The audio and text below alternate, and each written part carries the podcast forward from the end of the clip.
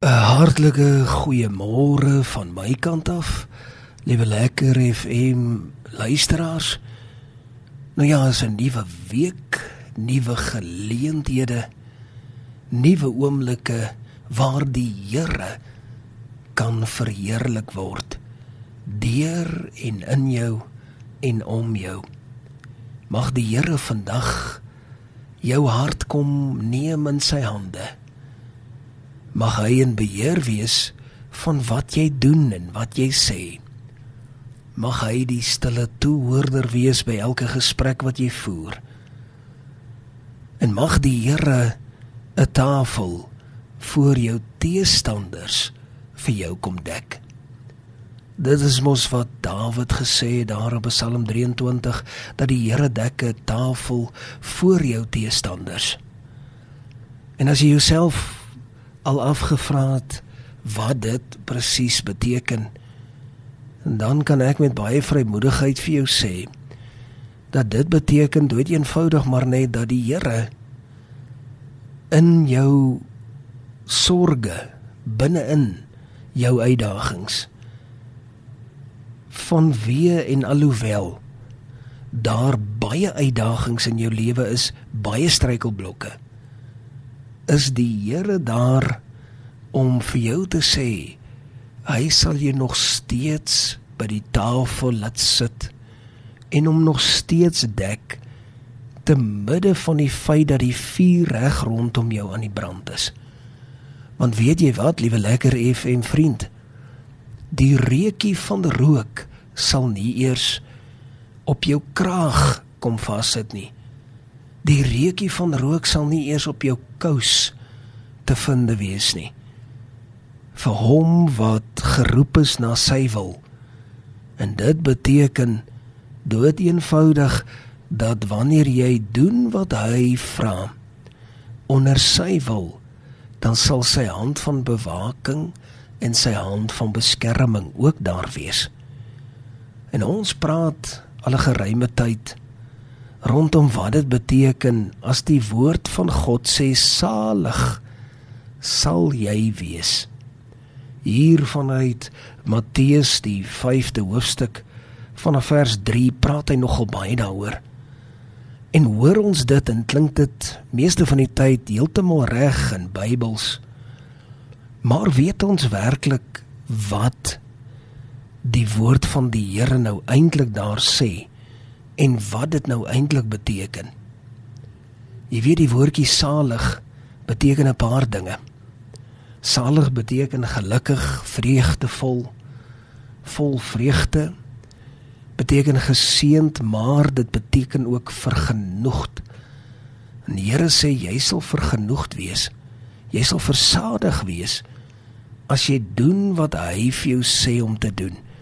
As jy die resep volg en daar is 'n resep En ons praat nou al 'n hele paar dae rondom juis net dit, die resep. En laat ek sommer net dadelik hier sê dat ek onder geen omstandighede vir jou sê dat dit sal maklik wees nie. Maar dat dit moontlik is, dit is so. Gaan dit werk kos? O ja.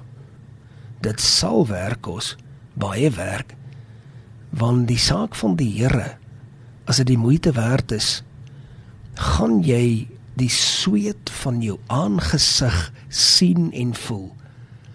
Maar gelukkig weet ons dat die Here elke oomblik saam met jou beweeg. En ek het spesifiek laasweek en as ek dit so in 'n neete dop dalk net kan saamvat het ek spesifiek oor 'n paar gedagtes gepraat en en sal ek dit graag net so wil aanraak net so vir elkeen wat miskien dalk nie elke oggend saam geluister het nie. Ek wil jou ook herinner aan die feit dat al ons preke opgeneem word en op potgooi beskikbaar is.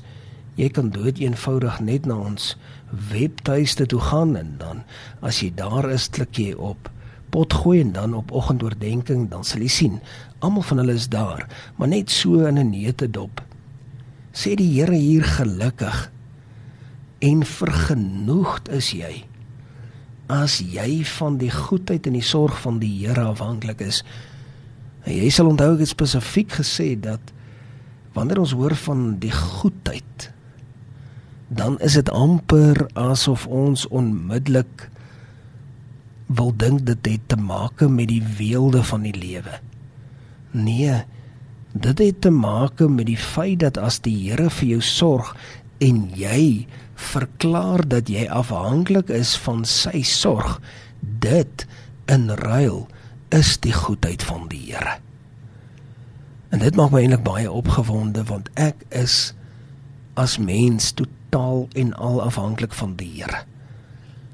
Jy weet daar is niks waar, waarop ek kan reken behalwe net op die Here en sy hand en sy goedheid teenoor my nie. Mag jy vandag dieselfde voel. Mag jy dieselfde sê ook. Mag jy in jou hart weet dat dit is dit is waaroor dit gaan.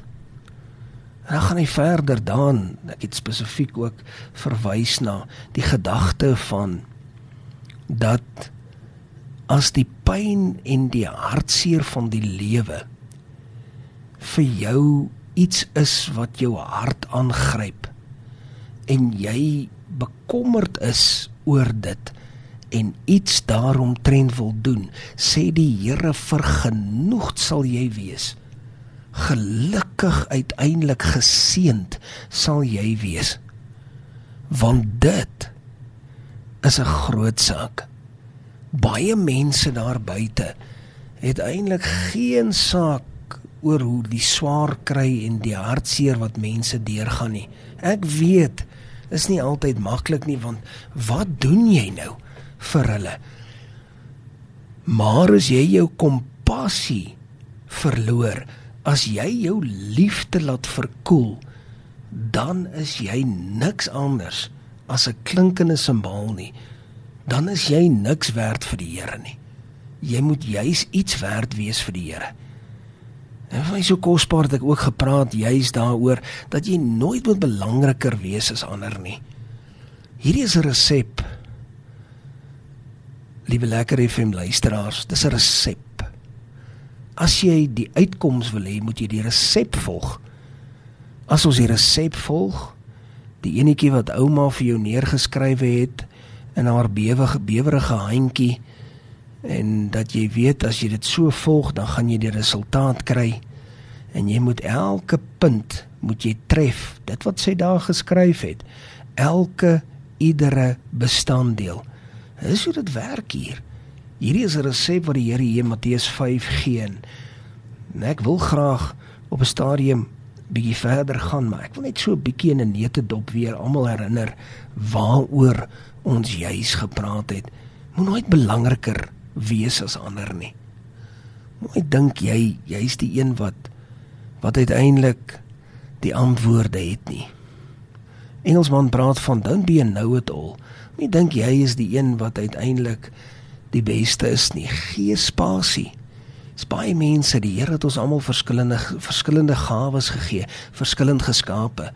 Gee die spasie. Gee die geleentheid. Dis wat hy sê daar in vers nommer 5 en dan oor daarna vers nommer 6 salig is die wat honger en dors na die geregtigheid want hulle sal versadig word. Hulle sal versadig word. En dit beteken dood eenvoudig dat hulle wat doen wat die Here strewe om te doen wat die Here vir hulle vra, hulle sal daardie selfde seën ervaar, daardie selfde genade ervaar. En miskien is dit dalk tyd dat ons vandag sê, weet jy, ek moet dalk 'n bietjie net besluit om 'n paar sake vas te maak. Kom ons besluit vandag, laat vandag die dag wees om te sê kom ons maak finaal vas. En dan gelukkig is almal wat regtig vir ander mense omgee. Praat van werklik vir ander mense omgee. Nie skyn vir ander omgee nie, maar werklik sê, weet jy, ek, ek sal graag 'n verskil in mense se lewens wil maak. Die oomblik wanneer jy daardie resep volg, dan kan die verskil baie drasties wees. En as ons die besluit neem om die resep noukeurig te volg, dan kan die Here ook op 'n wonderbaarlike manier aan jou die nodige rustigheid skenk wat jy nog altyd voor gebid het. En ek weet baie maal sit ons in ons ons wonder of ons ook daardie kalmte sal kry wat ander mense meespog. Die Here sê dis absoluut moontlik. Dis absoluut moontlik geseën sal jy wees as jy uiteindelik die besluit neem om die tyd uit te koop om te doen wat die Here uiteindelik werklik vir jou vra. Dit is die groot geheim. Is ons bereid om dit te doen? Is ons bereid om in hierdie week dit weer te doen? En ek gaan in hierdie volgende week spesifiek aangaan. Want die Here het soveel edelgesteentes, soveel diamante wat binne in hierdie skrifgedeelte opgesluit is. Maar dit was vir my belangrik om vanmôre net die saak so bietjie saam te kom vat. Net so bietjie dit in 'n neete dop, dit wat ons tot dusver te oor gepraat het, net 'n bietjie saam te vat en net 'n bietjie konteks aan dit te kom gee. En jy kan duidelik sien wanneer jy hier lees dat alles wat jy hier lees gaan werk kos. Maar die Here sê vir jou duidelik dat hy sal 'n tafel dek voor jou vyande. So hy sal vir jou hierdie sake gee en dit moontlik maak en dit sal haalbaar wees al is die teestand baie. Dis wat die woord eintlik daar sê. Dis wat Dawid gesê het daar in Psalm 23. En mag elkeen daardie genade gewaar en ervaar om dit ook so te kan doen. Om alles wat binne in jou hart is vir die saak te gee. Want glo maar vir my, liewe lekker FM luisteraar, hoe meer jy jou hand strek en hoe meer jy gehoorsaam is en in ruil dan nou ook ander dien, soos wat die Here verwag en nie dit te veel moeite ag nie, gaan jy sien wat dit uiteindelik vir jou beteken. Jy gaan sien jy gaan vervuld wees, jou hart gaan aangeraak wees. Jy gaan op 'n heeltemal 'n ander speelveld wees. Dinge gaan nie naaste by ooit weer dieselfde wees nie.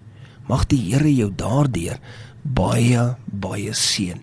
Die Here se genade is groot en een ding seker as sy genade vir jou is dan weet ons jy die krag sal hê om alles te kan doen want omdat Jesus dit saam met jou doen omdat die Here saam met jou hierdie pad stap jy stap nie alleen nie Die Here stap dit saam met jou.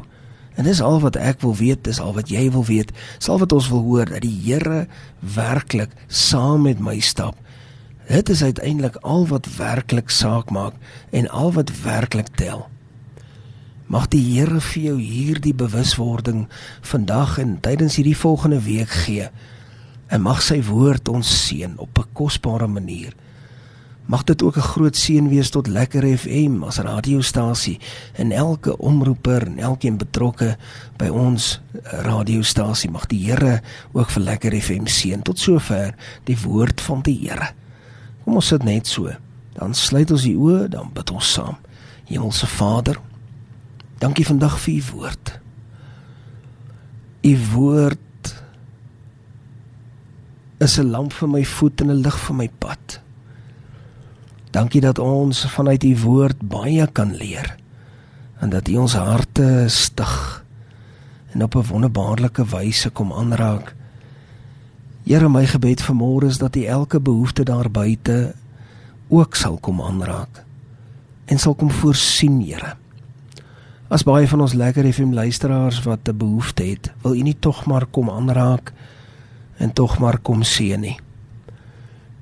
En Here, baie dankie dat u ook omsien na elke reisende evangelis en elke sendeling wat ook besig is om u saak te bevorder. Dankie dat u deure vir hulle oopmaak. En dankie Here dat u nog nooit u hand toe gehou het nie. Vir dit eer ons u. Here in hierdie sake bid ons nie omdat ons dit verdien nie, maar enkel en alleen vanuit u groote genade. Amen. En amen.